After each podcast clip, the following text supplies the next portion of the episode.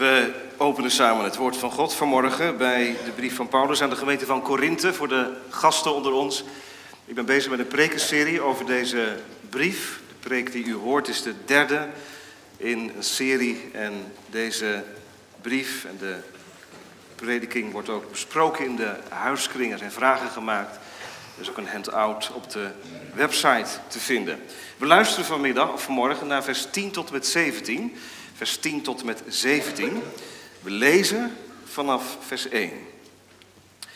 Het woord van God komt er als volgt tot ons, 1 Korinthe 1. Paulus, een geroepen apostel van Jezus Christus door de wil van God, en Sostines de broeder aan de gemeente van God die in Korinthe is, aan de geheiligden in Christus Jezus, geroepen heiligen, met allen die de naam van onze Heer Jezus Christus aanroepen in elke plaats, zowel hun als onze Here. Genade zij u en vrede van God, onze Vader en van de Heer Jezus Christus. Ik dank mijn God altijd voor u, vanwege de genade van God die u gegeven is in Christus Jezus. U bent namelijk in alles rijk geworden in Hem, in alle spreken en alle kennis naarmate het getuigenis van Christus bevestigd is onder u, zodat het u aan geen genadegave ontbreekt, terwijl u de openbaring van onze Heer Jezus Christus verwacht. God zal u ook bevestigen tot het einde toe, zodat u onberispelijk zult zijn op de dag van onze Heer Jezus Christus. God is getrouw, door wie u geroepen bent tot de gemeenschap van zijn Zoon, Jezus Christus, onze Heere. Maar ik roep u ertoe op, broeders, door de naam van onze Heer Jezus Christus, dat u allen eens gezind bent in uw spreken en dat er onder u geen scheuringen zijn, maar dat u hecht aan één gesmeed bent, één van denken en één van gevoelen. Wat mij is over u bekendgemaakt, mijn broeders, door de huisgenoten van Chloe, dat er ruzies onder u zijn. Ik bedoel dit. Dat ieder van u zegt, ik ben van Paulus, ik van Apollos, ik van Kefas en ik van Christus. Is Christus verdeeld? Is Paulus soms voor u gekruisigd? Of bent u in de naam van Paulus gedoopt? Ik dank God dat ik niemand van u gedoopt heb dan Crispus en Gaius, zodat niemand kan zeggen dat ik in mijn naam gedoopt heb. Ik heb echter ook nog het huisgezin van Stefanas gedoopt. Verder weet ik niet of ik nog iemand anders gedoopt heb. Want Christus heeft mij niet gezonden om te dopen, maar om het evangelie te verkondigen. Niet met wijsheid van woorden, opdat het kruis van Christus zijn inhoud niet verliest. Zover. We luisteren dus naar vers 10 tot en met 17 van 1 Korinthe 1. En zingen straks naar de preek uit Psalm 95, vers 4. Psalm 95, vers 4, straks naar het amen van de verkondiging. Gemeente van God te Apeldoorn, geliefde doopouders. Het is de wereld in de kerk. Het wordt steeds gekker. De wereldgelijkvormigheid in de kerk. Waar denkt u dan aan? Ik laat het even stil worden. En dan mag u even bij uzelf nagaan waar u dan aan denkt, wat aan boven komt. Wat is voor uw wereld gelijkvormigheid in de kerk? Nou, je hebt vast al een paar dingen naar boven voelen komen. Paulus heeft het er vanmorgen ook over de wereld in de kerk. De geest, het denken van de wereld in de kerk. En hij benoemt vanmorgen een vorm van wereldgelijkvormigheid waar ik en mogelijk u en jij ook niet direct aan zou hebben gedacht. De focus op namen en rugnummers. De focus op dienaren van het woord. De focus op voorgangers die de aandacht afleiden van de ene naam met een hoofdletter, Jezus Christus. En, vers 17, het kruis van Christus verijdelen. Dat is een vorm van wereldgelijkvormigheid die je niet direct zomaar met je ogen ziet. Maar dat zit dieper. En daar gaat Paulus het over hebben, nadat hij heel veel goeds en moois gezegd heeft. En de Heer gedankt heeft voor de gemeente. U voelt het al aan, hè? Maar, dan komt er iets. Vers 10. Eén naam is onze hoop. We gaan straks ook zingen na de dienst, maar dat is het thema van de preek. Eén naam is onze hoop. De, de versplintering door de focus op verschillende namen, dat is de eerste gedachte. Dat is het eerste deel, vers 10 tot en met 16. Versplintering uit elkaar. Door de focus op verschillende namen. Apollos, Cephas, Paulus, Christus. En de tweede, verbondenheid in de verkondiging van één naam. Allereerst versplintering door de focus op verschillende namen. Paulus, gemeente, heeft een verslag van Chloe ontvangen. Dat lezen we in vers 11.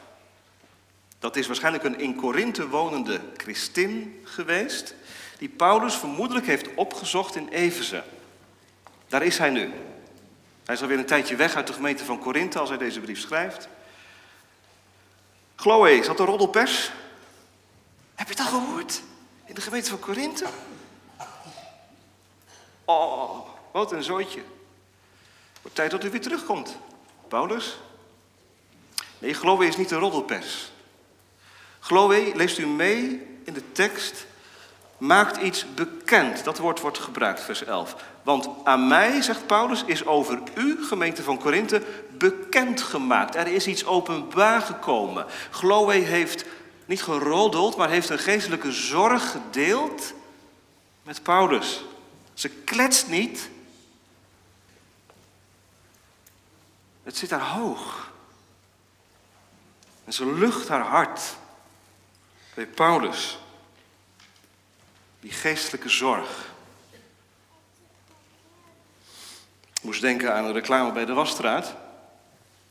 Bent u tevreden, vertel het anderen. Hebt u klachten? Neem contact op met ons. Nou, dat geldt niet alleen voor de wasstraat. Chloe vertelt niet aan anderen wat zij van de gemeente vindt, hoe erg het allemaal niet is en zo. Dat ze het kunnen doen. We lezen hier dat Chloe op een, op een geestelijke manier omgaat met de problematiek die haar ook heel hoog zit. Ze deelt het met Paulus. En wat doet Paulus dan? Paulus, ik heb u dat in de eerste preek gezegd, die signaleert in deze brief heel veel grote problemen. Er is op het gebied van seksualiteit heel veel aan de hand. Lees hoofdstuk 5. Vreselijk. Zo erg dat het zelfs in de wereld niet gekend wordt. Heftig. Er is heel veel aan de hand als het gaat om rechtszaken in de gemeente. Men sleept elkaar voor de rechter. Er is heel veel aan de hand rondom het heilig avondmaal. Men onderscheidt het lichaam des Heren niet meer. Men doet maar wat. Nou, dat zijn even drie grote problemen, grote zorgpunten in de gemeente van Korinthe. Maar wat is nou zo opvallend, gemeente? Paulus begint daar niet mee. Paulus begint met de zorg van Chloe. Paulus begint niet met de dingen die meteen zichtbaar zijn, maar met de onderhuidse gezwellen. En dat zijn meestal de gevaarlijkste. Dat is het betonrot in een huis. Weet je wat betonrot is? Nou, dan moet je maar eens vragen aan de mensen die de bouw werken. Van buiten, prachtig huis, maar betonrot zorgt ervoor, dat zie je niet, maar zorgt ervoor dat een constructie aangetast wordt. Dat is levensgevaarlijk. Je ziet het niet, moet wel aangepakt worden. Voordat jij gaat schilderen, moet je eerst dat betonrot aanpakken, want anders heeft het geen zin. Dat doet Paulus ook. Eerst het betonrot. Wat is het betonrot in de gemeente van Korinthe? Dat noemt hij in vers 11. Er zijn ruzies onder u. Nou, als ik naar de kinderen kijk, ruzies. Ja, wat denk je aan bij ruzies? Dan denk je aan Het gevecht wat je net voor de dienst had met je broertje misschien, hè? een ruzie. Mama zei, stoppen jongens, stoppen met ruzie. Ja, over zo'n ruzie gaat het hier niet. Het is niet zozeer dat mensen met elkaar vechten. Je zou het misschien beter verdeeldheid of versplintering kunnen noemen. Het is onderhuidse verdeeldheid. Versplintering. Het woord polarisatie kende Paulus nog niet. Wij wel inmiddels. In de maatschappij, op gevoelige punten, tijdens coronatijd, maar nu ook klimaatcrisis, asielzoekers, de oorlog in Israël, niet te vergeten. Polarisatie. Iemand ventileert een mening en wint veel mensen die achter hem gaan staan. Zo is het en niet anders. En op die mening komt weer een andere mening. Polarisatie. Nou, dat is ook wel aan de hand in de gemeente van Korinthe. Want wat is er gebeurd, gemeente? Er is een gemeente ontstaan rond het kruis. Die havenwerker is door God in zijn hart gegrepen. Die prostituee heeft zich bekeerd van haar losbandige levensstijl, is uit de klauwen van, van, van de wereld gerukt. Die marktkoopman die leefde voor het platte leven, voor het geld, heeft door de verkondiging van Paulus zich tot Christus gewend. En die moeder van een gezin, ja, die zit ook nu in de gemeente van Korinthe. Ze leefde een heel burgerlijk bestaan, maar ze kende de Heer Jezus niet. En dat is veranderd. Er is een gemeente ontstaan. Vers 2. Ik onderstreep het nog een keer. Geroepen heiligen die de naam van onze Heer Jezus Christus aanroepen. En Paulus, Paulus stond aan de wieg van de gemeente. En is inmiddels opgevolgd door Apollos. De eensgezindheid staat onder druk. Leest u mee in vers 10. Ik roep u ertoe op, broeders, door de naam van onze Heer Jezus Christus. Het is niet mijn eigen agenda, het is niet mijn eigen punt wat ik wil maken.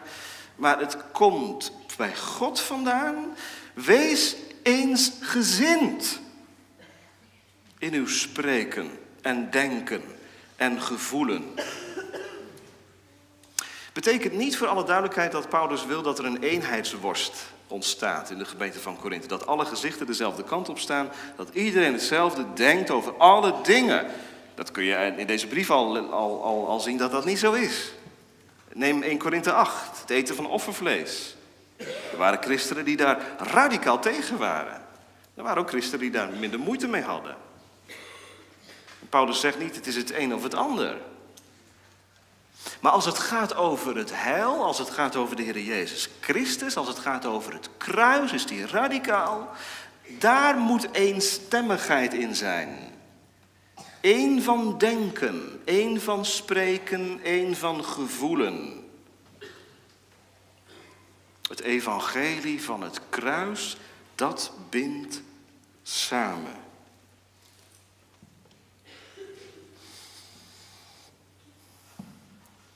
Maar dat was nou net het probleem. In Korinthe ging het uit elkaar. En hoe komt dat nou?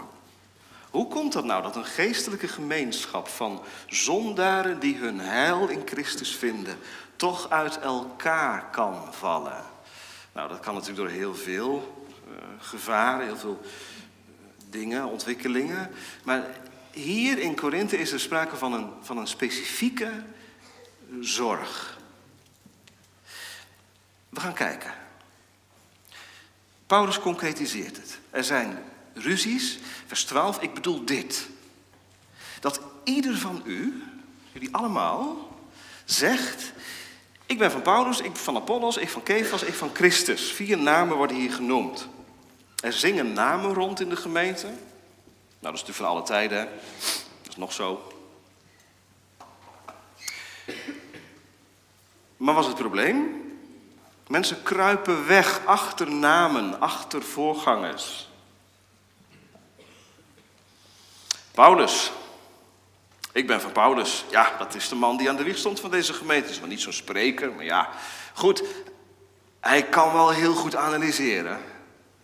En hij is voor mij tot zegen geweest. Hij heeft heel veel mensen uit Korinthe bevrijd uit een wettische godsdienst. Ik ben van Paulus. Nee, zegt iemand. Een opvolger. Man, dat is een redenaar, Apollos. Vurig van geest. Briljant, iedere keer een feest als je naar die man luistert. Intellectueel? Nou, dan moet je bij Apollos zijn, want op vragen weet hij antwoorden. Nee, zegt iemand. Ik hou van het vertrouwde. Van iemand die het dichtst bij de Heer Jezus stond. Kefas. Paulus, Apollos, allemaal tweede rangs. Kefas, Petrus. Die warme persoonlijkheid. Die stond dicht bij de Heer Jezus. Ze heeft een heel oorspronkelijke boodschap. Dat is mijn man. Dan had je ook nog een andere categorie. Die zeiden, nee, dat doen we niet aan mij. Met al dat gedweep met dominees, voorgangers. Ik ben van Christus. Ik ben van Christus. Dat lijkt heel mooi, maar Paulus zet het op één lijn, want deze mensen denken dat ze beter zijn door zich niet te binden aan voorgangers, maar te zeggen, ja, maar ik ben van Christus. En maar zegt Paulus, dat is net zo hoogmoedig. Je kunt geen naam claimen voor jezelf. Paulus prikt er doorheen. Dan kan ik me best voorstellen, ik heb er een beetje mee gezeten in de voorbereiding, dat, dat zeggen, ja maar dominee, is het niet een beetje overdreven? Het is toch gewoon zo dat er voorgangers in een gemeente werken. En ja, met de ene voorganger heb je nou eenmaal meer dan met de andere. Ja, dat is ook zo. Zo nuchter moeten we ook zijn. Dat is ook van alle tijden. Dat ligt aan je persoonlijkheid, dat ligt aan je voorkeur, aan, je, aan wat je hebt met een voorganger of wat je niet hebt met een voorganger. Soms heb je heel veel meegemaakt. Ben je op kruispunten in een leven met een voorganger in betrokken geraakt. Dat heeft zo'n band gegeven. Ja, wees nuchter, dat gaat nou eenmaal zo. Dat geeft ook niet. Maar wat is dan het probleem? Want als dat het was, dan had Paulus wel kunnen beginnen met andere problemen in de gemeente van Korinthe. Nee, in het Grieks staat het woord ego voorop, ego eimi, ik ben. Ik ben van die, ik ben van die. En dat is armoedtroef. Als je in de gemeente moet roepen, ik ben van die. Ik hou van die. Het gaat alleen maar over namen. En Paulus zegt, ik mis die ene naam onder de hemel gegeven tot redding. Ik moet nog iets meer zeggen hierover, want um, in Korinthe in die tijd, je leefde in een wereld van populair zijn. Er waren rondreizende eh, filosofen, sofisten, wijsheidsleraars. Die trokken publiek op de markten. Het zit in, een, in het DNA van een, van een om te kijken naar hoe iemand het doet. En om je voorkeur uit te spreken. Ik ben van die, ik ben van die. En dat is het probleem. Dat komt nu de gemeente binnen. En het gaat er nou net zo aan toe in de gemeente als in de wereld. Dat laat Paulus niet gaan. Dat is te menselijk. De gemeente, de Heilige Geest heeft het goed gedacht om ook dit gedeelte in de kanon op te nemen. Blijkbaar zit hier ook voor ons als gemeente een les in. Het is een zonde die niet alleen in de gemeente van Korinthe, maar in alle gemeenten, in iedere kerk voorkomt. De Heilige Geest wil dat dit geadresseerd wordt vanmorgen.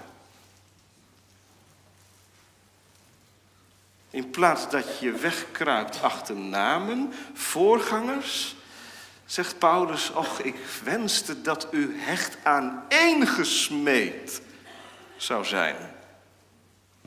Dat zegt hij in vers 10. Eén van denken, één gevoelen en dat onder u geen scheuringen zijn. Geef mij die of geef mij die maar. Wat is dat dan hecht aan één gesmeed? Dat is als twee voorwerpen door een smid, twee ruwe voorwerpen met elkaar verbonden worden. Daar is wel wat voor nodig. Daar is de gemeente voor gegeven. Gemeente, daar bent u gemeentelid voor, zegt de Heer. En God zegt tegen u en tegen jou,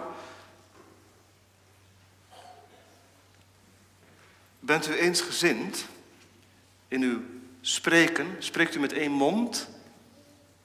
Bent u één van denken, één van gevoelen?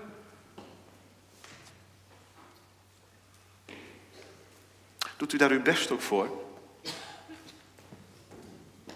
Of is het voor u genoeg dat u zegt, ja, maar ik hou van een dominee die en ik hou van dominee die. Wordt ook al een beetje bij de geestelijke opvoeding, hè? Doopouders. Heb je kind binnen laten dragen in de gemeenschap, in de gemeente. En ik hoop dat het geestelijk klimaat in jullie gezin zo gestempeld zou zijn dat dat, dat vlakke, dat dat weggaat. Wat bedoel ik? Nou, laat ik het even heel concreet maken als het gaat over de zondag en over de kerkdienst. Ga je naar de kerk om een dominee te horen of kom je naar de kerk om God te ontmoeten? En ik weet wel, dat ligt soms heel dicht tegen elkaar aan. En toch is het toon die de muziek maakt. Hoe geef je je kinderen daarin onderwijs?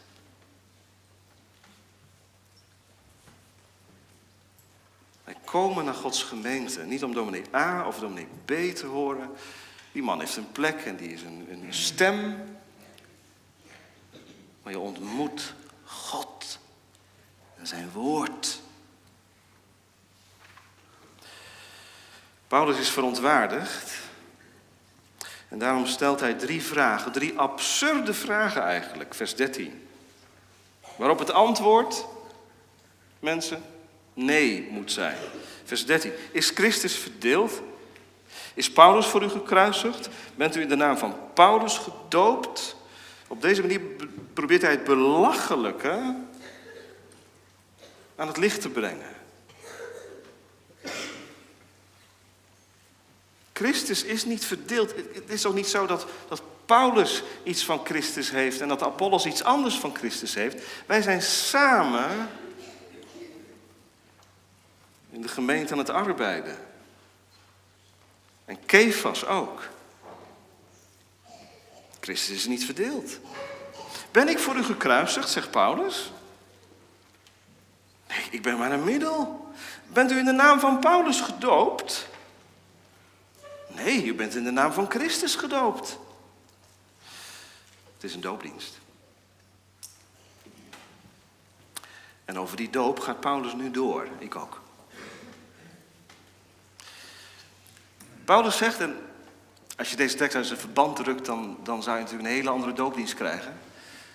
Ik dank God dat ik niemand van u gedoopt heb. Van Crispus en Gaius, of vers 17a, Christus heeft mij niet gezonden om te dopen. Ja, als je dat uit zijn verband drukt, dan krijg je natuurlijk een heel ander karakter vanmorgen. Maar Paulus bedoelt hier iets mee. Hij zegt in vers 14, ik dank God dat ik niemand van u gedoopt heb dan Crispus en Gaius, Verder lezen, zodat niemand kan zeggen dat ik in mijn naam gedoopt heb. Moet u weten, in die tijd was het horen bij een gemeente echt nog wel wat anders dan hier in Apeldoorn hoor. Als je tot een gemeente toetrad, was dat zo'n schok voor je omgeving. Je werd gedoopt. Het oude was voorbij gegaan. Het was alles nieuw geworden. Doop was een heel nadrukkelijk markeringspunt. En er ligt natuurlijk op de loer, veel meer dan vandaag, denk ik, met de praktijk van de kinderdoop, dat je je verbindt aan een naam. Ik ben in de naam van Paulus gedoopt. Nou, zegt Paulus, gelukkig heb ik alleen Crispus en Gaius uh, maar gedoopt. Oh nee, wacht even. Heel menselijk, heel mooi is dat, hè? Vers 16. Ook nog het huisgezin van Stefanas. En verder weet ik het eigenlijk niet. Ik heb er geen register op nageslagen. Ik heb ook geen register bijgehouden. Ik, ik weet het niet, want ik ben niet gekomen om te dopen. Ik ben gekomen om het evangelie te verkondigen. Ik ben niet gekomen om mensen aan mij te binden. Maar ik ben gekomen om mensen naar het kruis van Christus te leiden. Jullie hebben bij doopvond gestaan vanmorgen. En u misschien ook wel. En jullie kinderen kunnen laten zeggen, ik ben nog gedoopt door dominee van de weg. er zijn kinderen in de gemeente die dat ook kunnen zeggen. En er zijn kinderen die kunnen zeggen, ik ben gedoopt door dominee van Koten. Of ik ben gedoopt door dominee Visser. Of ik ben gedoopt door dominee... Nou ja, dat is mooi. Dat is prachtig. Maar gaat het erom? Nee. Ze mogen leren dat de doop iets anders is dan iets wat tussen mensen plaatsvindt. Een dominee die een kind doopt. Wat heb je daaraan? Dan leg je de focus op de namen. Christus heeft mij niet gezonden om te dopen, maar om het evangelie te verkondigen.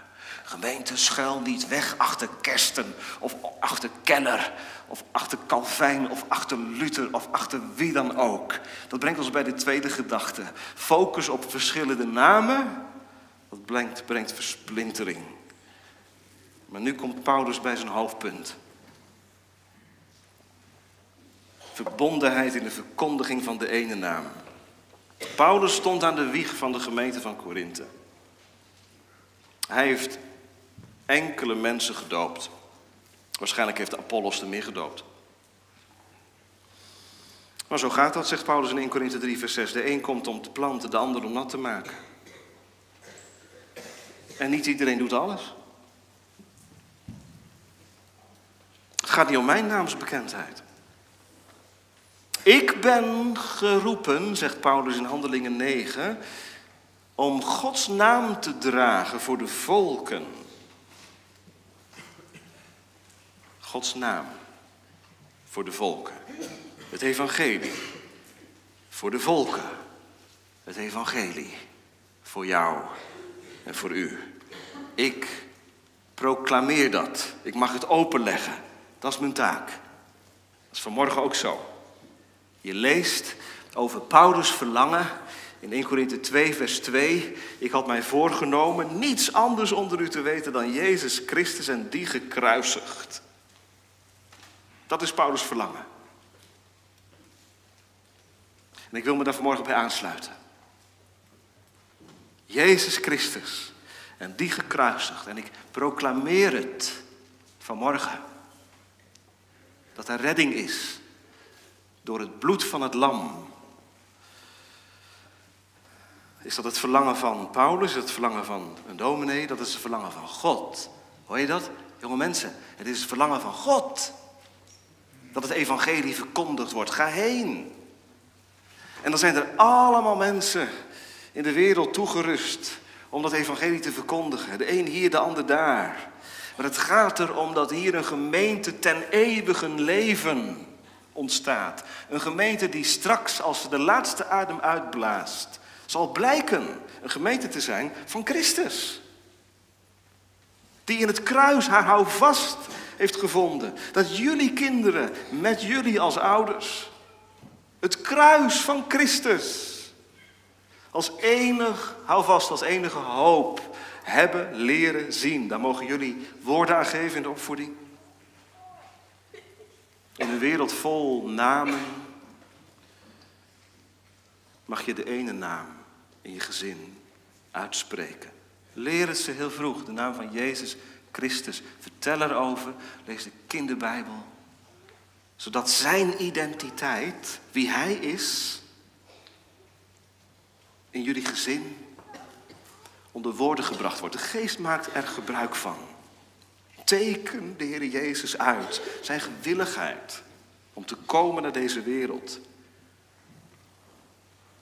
Het bloed van Hem wat reinigt van alle zonde. En ja, dan ben je ook zomaar bij de doop.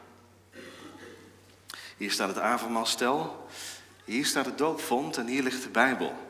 En die drie elementen spreken dezelfde taal. Dat Christus aan het kruis hing. En daar mogen wij niet omheen en niet van afwijken. Christus hing aan het kruis. Laat het even tot je doordringen.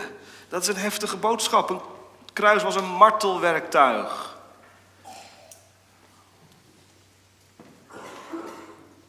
Het was de meest schaamteloze dood die je kon sterven. Maar God liet zijn zoon sterven. En dat mag Paulus verkondigen in een wereld van Korinthe die uit is op, op glamour en op scoren en op presteren en op het kruis. Christus heeft mij gezonden om het evangelie te verkondigen. Jullie stonden net bij het doopvond. En toen is jullie kind gedoopt in deze naam van Jezus Christus. De gekruisigde. Het doopwater spreekt van het oordeel.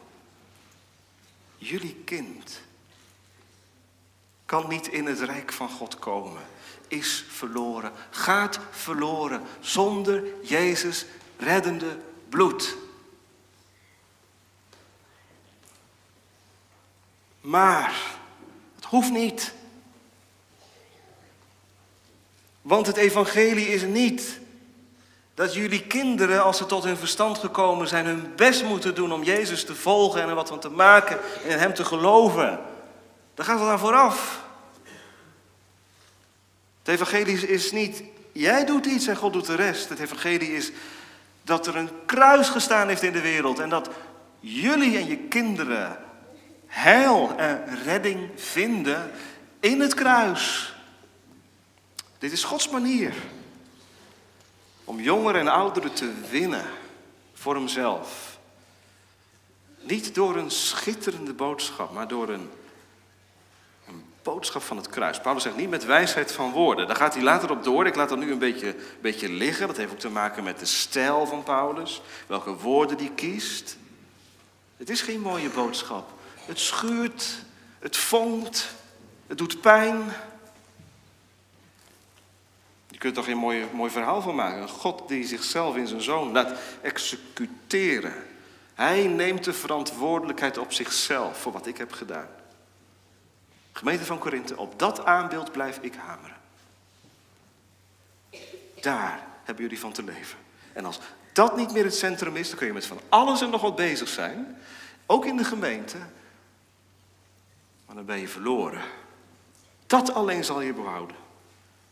Altijd weer dat kruis. Altijd weer dat kruis. Dat is Gods beweging. En als Paulus een andere beweging signaleert in de gemeente die hij heeft gediend. De beweging naar namen toe. Die naam en die naam en die naam. Dan zegt Paulus, wacht.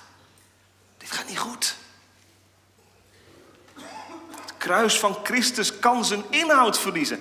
Lezen we dat, doopouders? Lezen we dat, gemeente? Misschien is dat wel het meest schokkende, hè? dat dat kan in een gemeente. Dat, de, dat de, het kruis van Christus zijn inhoud gaat verliezen. Als het niet meer centraal staat in de verkondiging. Als het in het gemeenteleven over heel veel gaat, maar niet over het kruis. Als het in mijn leven niet meer cirkelt om het kruis. Misschien moeten we ons dat zelf afvragen vanmorgen. Wat is er in mijn leven dat de inhoud van het kruis laat verdampen? Bid God daarom. Laten we God daarom bidden. Wat is er wat de inhoud van het kruis laat verdampen.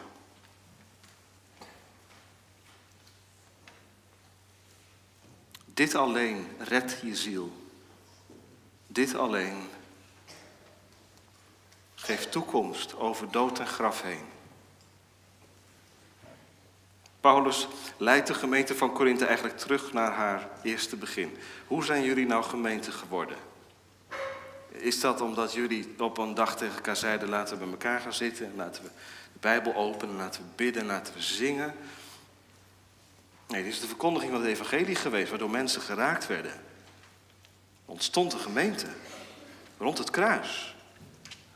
Apart, hè? Mensen, dat gebeurt nog steeds. Hè? Jij zit hier in de gemeente. En het is de boodschap van het kruis wat jouw leven alleen maar kan openbreken. Het kruis van Christus. Kijk vanmorgen naar dat kruis. Ik schilder het je uit vanmorgen. En je hebt het gezien ook in de doop. Dan zag ik geen kruis. Nee, maar je zag wel een beweging.